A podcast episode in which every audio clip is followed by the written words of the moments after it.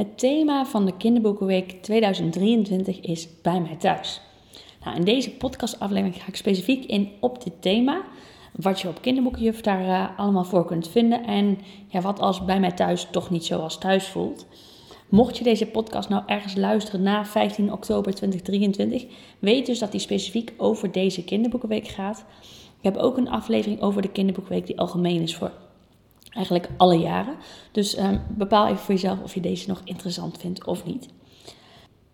Nou, het thema van de Kinderboekenweek 2023 is bij mij thuis. Een heel breed thema waar je echt alle kanten mee op kunt. Maar er is ook een kant wat als thuis nou niet thuis voelt. Nou, ik ga eerst even vertellen wat je allemaal met het thema kan. En dan kom ik nog terug op um, ja, wat als het dus niet als thuis voelt. Nou, als eerst kun jij uh, de school inrichten als een huiskamer.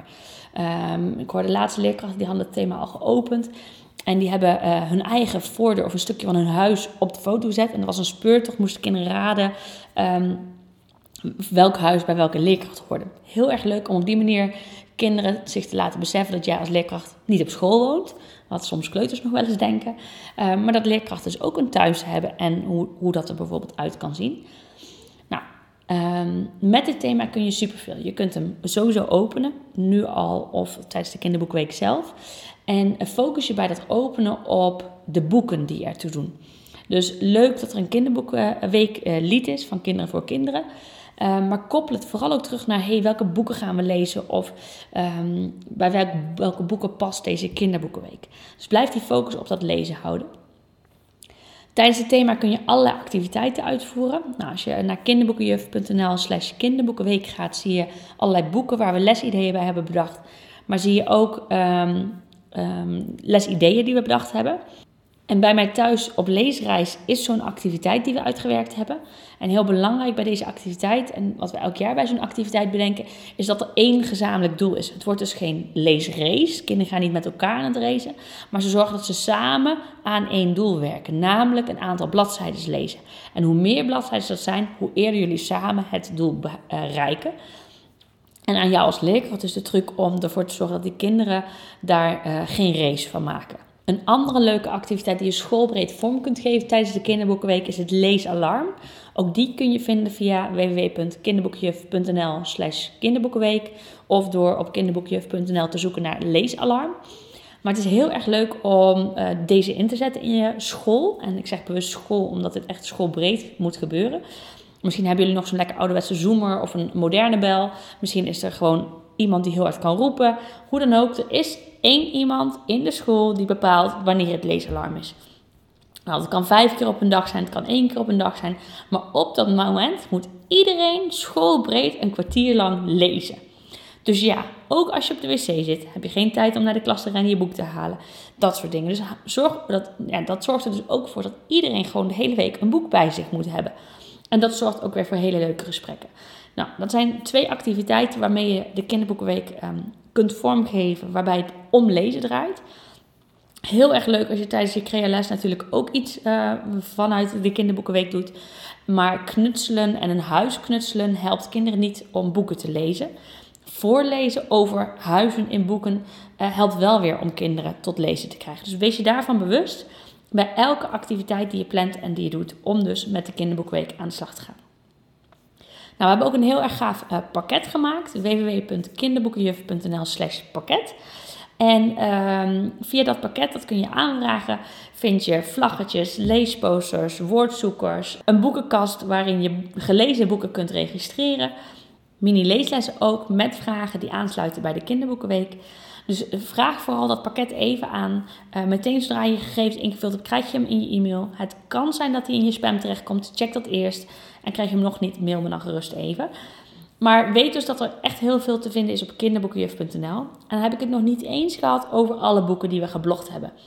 We zijn echt vorig jaar, vorig schooljaar moet ik zeggen, al begonnen met bloggen. En er staan inmiddels al um, zo'n 40 blogs over de kinderboekenweek online, waarvan het grootste deel dus boekenblogs zijn. En bij elk boek hebben we allerlei lesideeën uitgewerkt als het een prentenboek is. En allerlei mini-leeslessen als het een groep 3 tot en met 8 boek is. Waarmee je dus zo in de klas aan de slag kunt. Um, ik vertelde aan het begin al, je kunt de kinderboekweek openen. Het is ook heel waardevol en belangrijk dat je het thema afsluit. Nou valt dit vaak samen met de kinderboeken of met de herfstvakantie. Um, maar probeer er toch even bij stil te staan dat het thema weer afgerond is. En ook daarvoor hebben we in het blog um, openingen en afsluitingen van de kinderboekweek allerlei suggesties voor je staan. En wees je dus ook vooraf bewust van waar, welk einddoel werken naartoe. Hebben jullie echt een gigantische boekenruilbeurs? Of hebben jullie een tentoonstelling, een toneelstuk? Hou het simpel door gewoon het boek uit te lezen en te zeggen: Nou is de kinderboekweek over. Ik ga een nieuw boek weer voorlezen. Je kunt het zo groot en zo klein maken als je wil, als je maar even stilstaat bij het afsluiten van de kinderboekweek. Sluit je daarmee ook het lezen af? Nee, absoluut niet. Blijf voorlezen, blijf lekker lezen. Focus veel op boekpromotie. Doe dat met mini-leeslessen, waarbij je gewoon drie keer per week een nieuw boek kunt promoten.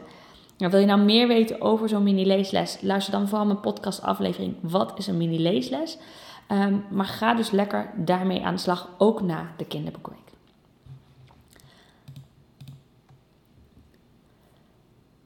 Ja, en wat als het thema bij mij thuis um, gevoelig is voor jouw groep? Als bij mij thuis niet als thuis voelt?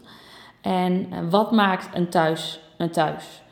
Nou, dus de CPMB, de organisatie van de Kinderboekenweek, zegt op hun website: Bij mij thuis lezen we elke avond voor het slapen gaan. Bij mij thuis kun je heel ver boven de stad uitkijken. Bij mij thuis vieren we het suikerfeest. Bij mij thuis wonen twee mama's. Bij mij thuis eten we elke vrijdag patat. En bij mij thuis zijn alle deuren breed genoeg voor de rolstoel van mijn broertje.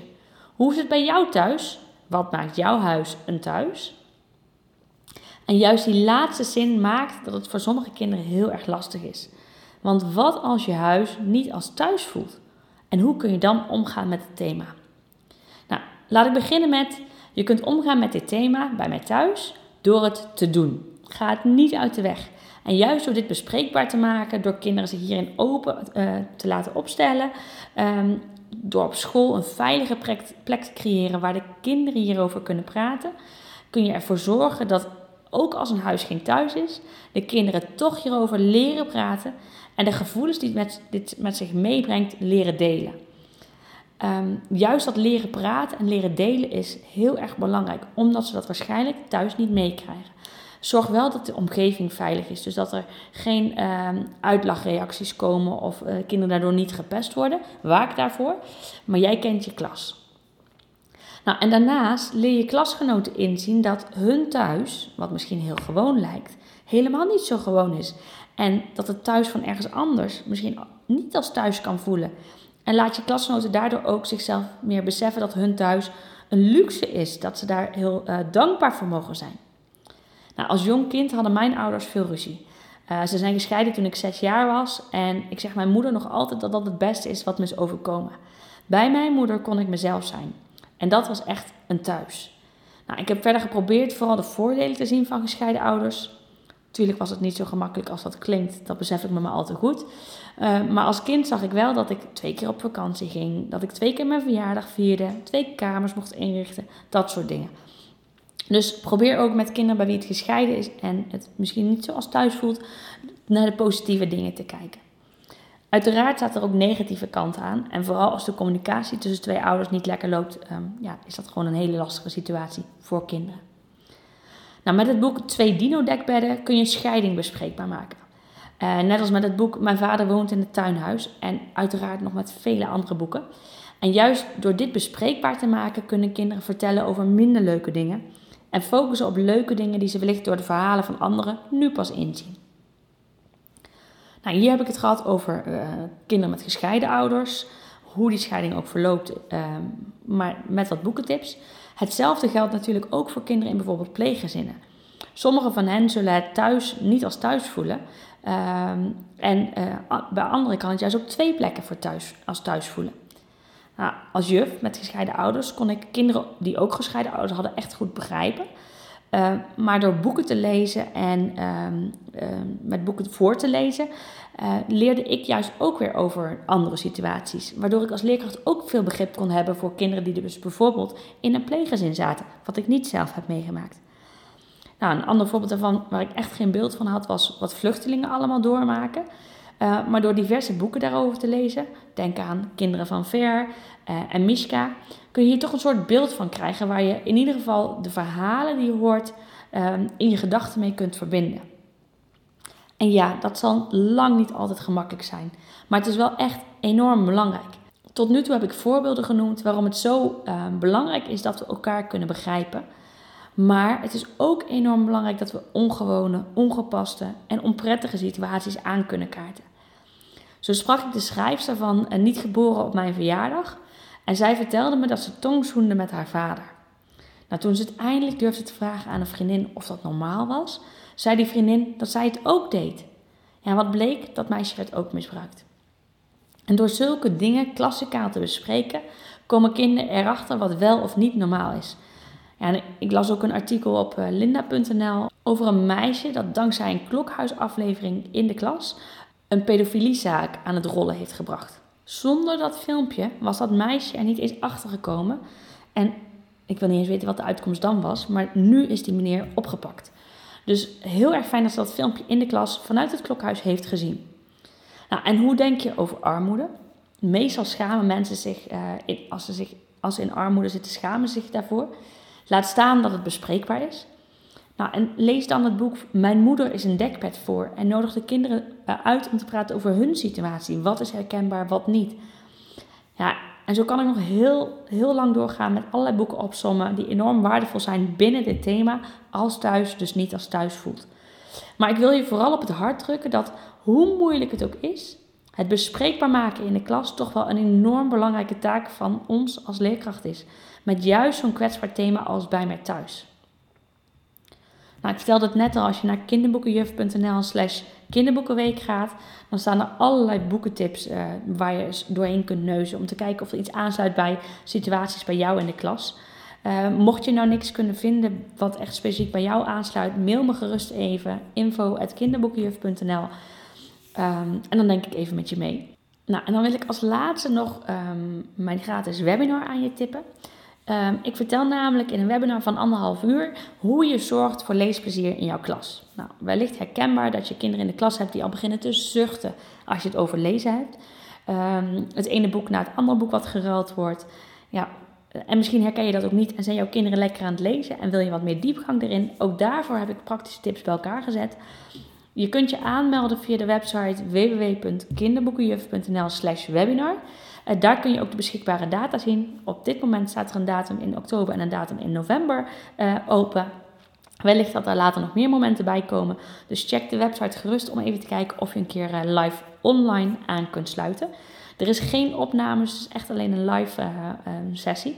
Omdat het gewoon heel erg waardevol is als je gelijk je vragen kunt stellen en um, je daar live bij aanwezig bent. Kinderboeken. Ik wil graag het boek Twee Dino-dekbedden aan je voorstellen. Een boek geschreven door Nelly Snels Dorlon.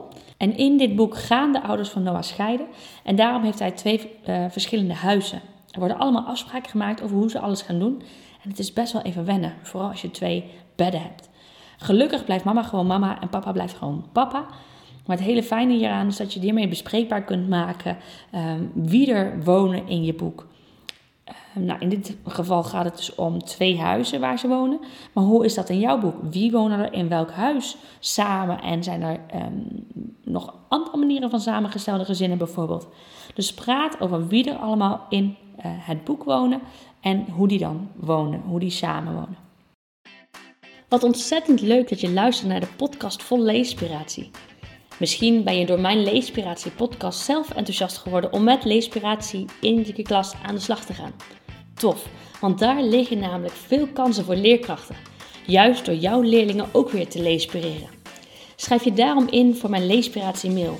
Dat kan door via de show notes op de link te klikken en je gegevens in te vullen. Dan blijf je altijd als eerste op de hoogte van de Leespiratie tips die ik deel. Wil je nog meer Leespiratie? Beluister de andere podcasts die ik maakte. Volg me op Instagram onder de naam kinderboekenjuf.nl of neus eens rond op mijn website www.kinderboekenjuf.nl voor praktische, kant-en-klare leespiratie waar je zo mee aan de slag kunt. Nou, heb je vragen naar aanleiding van deze podcast of wil je mij wat vragen? Mail me op info.kinderboekenjuf.nl Vind je deze podcast waardevol? Laat het me weten via mijn Instagram, kinderboekenjuf.nl of mail me op info.kinderboekenjuf.nl. Ik vind het heel erg leuk om van je te horen. Volg mijn podcast door via het luisterplatform naar de podcast voor leespiratie te gaan en klik vervolgens op volgen. Stel de meldingen in, zodat je als eerste op de hoogte blijft als er een nieuwe aflevering online komt. Bij Spotify kun je dit bijvoorbeeld doen door het alarmbelletje aan te klikken. En geef mijn podcast een beoordeling of like, zodat anderen ook weten dat mijn podcast de moeite waard is om te beluisteren. Deel de link gerust met collega's of andere geïnteresseerden, zodat zij ook de podcast kunnen beluisteren. Ik kijk er naar uit om een nieuwe aflevering voor je op te nemen. Tot dan! Je luisterde naar Ingrid Rijnboud-Evers, de kinderboekenjuf. Wil je nou meer weten over mij? Luister dan zeker eerst even de eerste twee podcasts die ik maakte. Daarin vertel ik je eigenlijk alles over wie ik ben, uh, wat mijn interesses zijn en wat mijn visie als kinderboekenjuf is en hoe ik leerkrachten help om de kinderen in hun klas te leespireren.